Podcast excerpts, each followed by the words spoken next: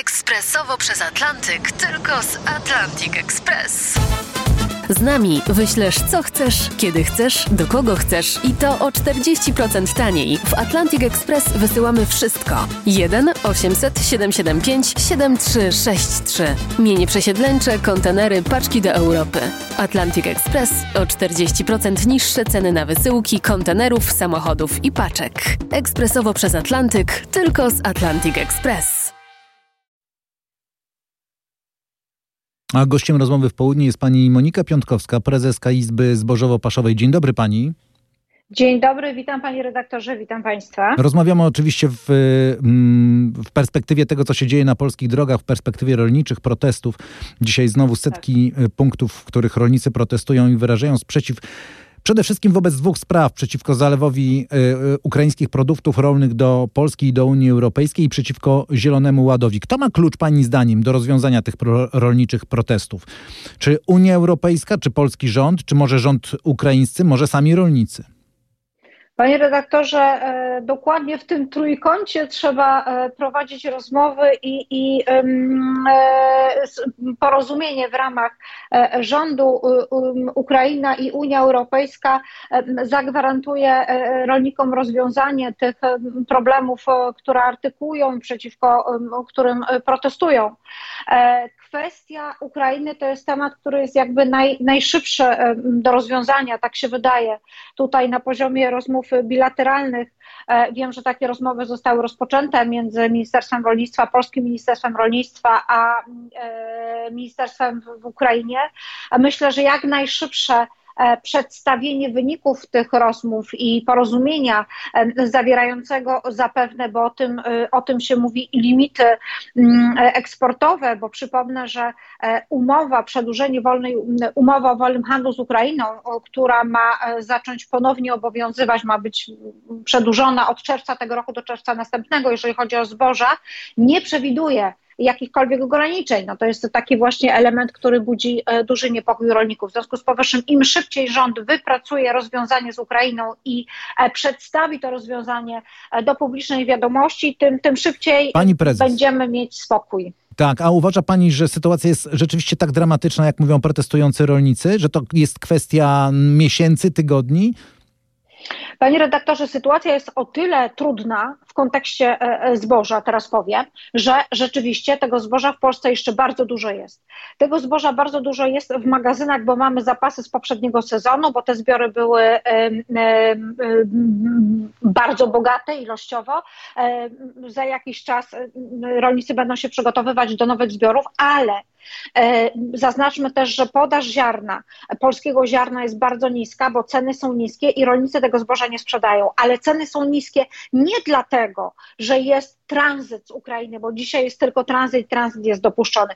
Te ceny zboża polskiego są niskie, bo w, na całym świecie, bo na giełdzie Matif, a ta giełda Matif jest e, takim wyznacznikiem dla polskich cen, e, ceny zboża są bardzo niskie. My mówimy o cenie pszenicy na giełdzie poniżej e, 200, 200 e, e, euro, a w momencie wybuchu wojny, e, przypomnę, było to nawet 400 50 Czyli euro jeżeli dobrze panią rozumiem, pani prezes, jeżeli zamknięcie granic przed ukraińskimi produktami, przed ukraińskim zbożem, no już jest zamknięta w pewnym sensie Ukrai Ukrai przed ukraińskim zbożem, to ono niczego nie zmieni w kontekście cen e, nie zmieni. Te ceny, to, to nie jest ten czas, kiedy zboże ukraińskie zalewa faktycznie Polskę. To nie jest ten czas, kiedy zboże ukraińskie jest dużo tańsze niż polskie. Również polskie zboże jest bardzo tanie. To, co trzeba zrobić, to sprawdzić, na ile szczelne są granice. I myślę, że to jest dla rolników również ważne, bo przecież mamy informacje e, też i od e,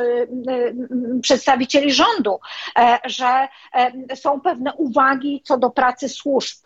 E, I, i, I, to jest akurat bardzo słuszny postulat, jeżeli chodzi o rolników, żeby e, usprawnić pracę służb, e, żeby ten nadzór był właściwy, żebyśmy wszyscy mieli zaufanie do państwa i mieli przekonanie, ja takie zaufanie mam, że te naj, ostatnie dwa miesiące rząd poświęcił na to, żeby zweryfikować pracę tych służb i tam, gdzie trzeba je usprawnić. Zwracam uwagę na ten element, dlatego że to, co się dzieje na dzisiaj na ulicach, ale też i, i, wcześniej, kolejne są zapowiedzi strajku marszu na Warszawę 27, raz jeszcze powiem, z bardzo słusznymi postulatami rolników, ale tym, tym całym kryzysem, bo to już jest sytuacja kryzysowa, trzeba zarządzić w taki sposób, żeby społeczeństwo e, miało pełne zaufanie do pracy wszystkich służb i agent państwa polskiego. To jest niezwykle ważne. A naj, wie pani, najprościej wydawałoby się to zboże, które jest w tej chwili w rolniczych magazynach czy w, w innych magazynach zarządzanych przez firmy, po prostu wywieźć z Polski. Czy da się je wywieźć, czy nie? Czy mamy możliwości do tego, żeby wywieźć te wszystkie zapasy, które mamy tutaj i sprzedać je gdzieś daleko poza Europą? Panie redaktorze, ja wielokrotnie o tym mówiłam, że infrastruktura e, e, jest ograniczona, jak w którymś momencie nastąpi gwałtowna sprzedaż towaru, bo tak jak powiedziałam, rolnicy na razie nie sprzedają, ta podaż jest ograniczona, to my się zatkamy na pewno i wtedy będzie problem z wywozem. Dzisiaj w portach jeszcze jest miejsce. Natomiast jeżeli um, przyjdzie okres dopłat, czy, czy taki moment, gdzie te ceny będą na tyle satysfakcjonujące rolników, żeby je sprzedawali albo będzie taka sytuacja, że już nowe zbiory zapasem i będzie trzeba opróżnić magazyny bez względu na wszystko, e, to przed nami y, kolejny, y, kolejna odsłona e, dużego kryzysu, bo rolnicy będą albo niezadowoleni z cen, albo zadowoleni, ale niezadowoleni z tego, że mm, e, ten wywóz, wywóz zboża z kraju jest nie w takim tempie, w jakim powin, powinien być, a tak się może wydarzyć, jeżeli my w dalszym ciągu nie będziemy mm, nic robić w kontekście usprawnienia infrastruktury oraz, i o tym też mówię e, od dwóch lat co najmniej, czyli od wybuchu wojny za naszą wschodnią granicą, my musimy odbudować polskie przetwórstwo. Przecież część tych e, polskich, ale nawet i roz, e, ukraińskich surowców i, i, i wyrobów możemy przetwarzać w Polsce. Polska, patrząc na to, że Ukraina jest ogromnym producentem żywności, jest naszym sąsiadem i oby naszym sąsiadem była,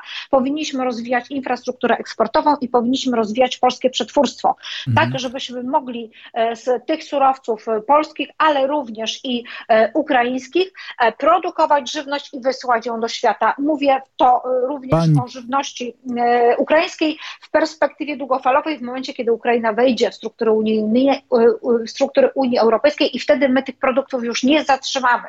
Pani prezes, jeszcze jedna sprawa. Przeciwko temu też protestują rolnicy bardzo głośno. Chodzi o Zielony Ład. Y, rolnicy nie chcą Zielonego Ładu, boją się tego Zielonego Ładu. Y, z drugiej strony, czy my mamy y, szansę na to, żeby odejść od tego Zielonego Ładu? Bo Zielony Ład to jest oczywiście zbiór aktów prawnych, które generalnie mają służyć temu, żeby, żeby nasze środowisko było bardziej ekologiczne. Tak to zajmijmy, zamknijmy jednym słowem. Czy tutaj, czy tutaj zawiodła polityka informacyjna? Czy jest odwrót, jest szansa na odwrót od Zielonego Ładu, czy też tego, tej szansy na odwrót od tego Zielonego Ładu nie ma, bo inaczej po prostu będziemy żyć w zatrutym środowisku, tylko trzeba to rolnikom jakoś wytłumaczyć. Panie redaktorze, prawda zazwyczaj tkwi po środku i tak też jest w tej sytuacji. To jest dużo poważniejsza sprawa, bo e, wymaga szerszego podejścia i długofalowego i tego z dnia na dzień nie da się e, załatwić na pewno, ale między całkowitym odejściem od Zielonego Ładu a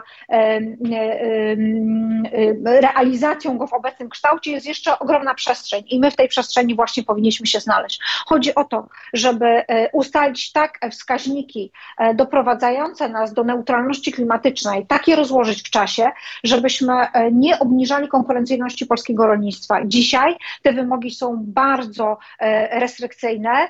E, rolnicy nie tylko polscy, ale w innych krajach Unii Europejskiej mówi o tym bardzo wyraźnie, że Zielony Ład w dzisiejszym kształcie nam obniży konkurencyjność rolnictwa europejskiego, obniżymy e, planowanie, zmniejszymy produkcję żywności, a te braki, które powstaną, a, a, a wtedy powstaną, będziemy uzupełniać żywnością, którą będziemy importować, na przykład z regionu Mercosur, gdzie a ani czy... nie dba się o klimat, ani o taką jakość, jaka jest w Unii Europejskiej. Europejskiej. A czy to nie jest trochę e, efekt zaniedbań, wieloletnich zaniedbań też polityki rolnej Unii, która postawiła na taki model uprzemysłowionego rolnictwa?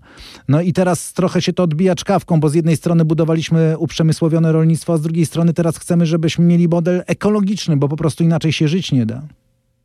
I tutaj znowu, panie redaktorze, prawda po środku. E, rolnictwo przemysłowe jest potrzebne, bo jak mówimy o bezpieczeństwie żywnościowym, to mówimy również e, o kontekście e, ilościowym, czyli musimy po prostu wyżywić całą planetę, mówiąc wprost. Natomiast żywność ekologiczna, która dzisiaj jest żywnością niszową, i to też trzeba sobie bardzo wyraźnie powiedzieć, jest po drugiej stronie bieguna. Mówimy o rolnictwie zrównoważonym, o rolnictwie precyzyjnym, czyli o takiej produkcji, czyli szukanie tego środka, o takiej produkcji żywności, żeby z jednej strony e, nie schodzić dramatycznie z ilości e, produkowanej tej żywności, nie schodzić z jakości, bo z tego schodzić nie możemy, ale tak dobierać e, zarówno substancje używane w produkcji, jak i typ, typ e, mhm. czy tryb produkcji, żeby e, nie niszczyć klimatu. Mówię tu o, bardzo wyraźnie o rolnictwie precyzyjnym, o innowacjach w rolnictwie. One oczywiście wymagają inwestycji, no które no będą nam precyzyjnie obliczały choćby nawet ilość i jakość nawozów, którą, których musimy użyć, żeby plon był właściwy. Pani E, i ziarno zdrowe. Pani prezes, już tak z punktu widzenia Kowalskiego czy Salaka, y, Chciałbym zapytać, wie pani, jak to jest, tak. że zboże jest tak tanie, pani mówi najtańsze od rozpoczęcia wojny, a chleb cały czas jest y, drogi. Tak jest, tu niestety nie ma bezpośredniego przełożenia. E, wiem, że to jest trudno e, gdzieś tam tak szybko zrozumieć, ale tylko 17% w koszcie wyprodukowania bułki to jest mąka. Reszta to są inne koszty. Koszty transportu, koszty e, prądu, gazu, e, kapitału ludzkiego. To jest największy koszt produkcji chleba. Także rzeczywiście jest tak, jak pan redaktor mówi, ceny zboża e, szorują pod nie, są bardzo niskie, natomiast żywność drożeje, pieczywo jest w dość wysokich cenach w sklepach. To, to, to prawda, natomiast tutaj niestety nie ma bezpośredniego przełożenia. Kto to wszystko rozwiąże, moim zdaniem mógłby spokojnie kandydować do Nagrody Nobla. Tylko zastanawiam się, z jakiej dziedziny. Monika Piątkowska, prezes Izby Zbożowo-Paszowej, była y, gościem rozmowy w południe. Bardzo dziękujemy za to spotkanie, pani prezes. Bardzo dziękuję. Dziękuję ślicznie, serdecznie pozdrawiam. Do usłyszenia, pozdrawiamy. Do usłyszenia.